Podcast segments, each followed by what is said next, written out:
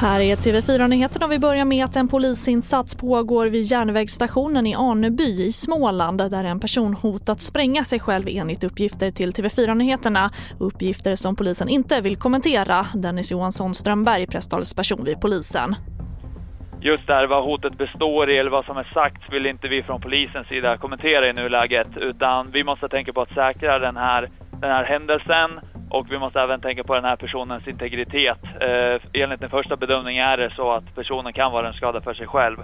Och eh, vi, vi säger att den här personen har eh, uttryckt sig hotfullt verbalt.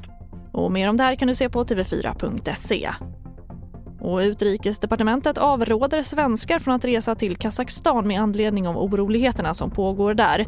Protester har pågått i Kazakstan sedan nyårshelgen. Det började som protester mot stigande bränslepriser men har nu trappats upp till omfattande våldsamheter där myndighetsbyggnader har stormats och många demonstranter dödats. Och antalet svårt sjuka i covid-19 som vårdas på sjukhus i Sverige ökar. Dagens statistik visar att cirka 930 covid-sjuka svenskar är inlagda på sjukhus vilket är över 100 fler än igår, det rapporterar TT.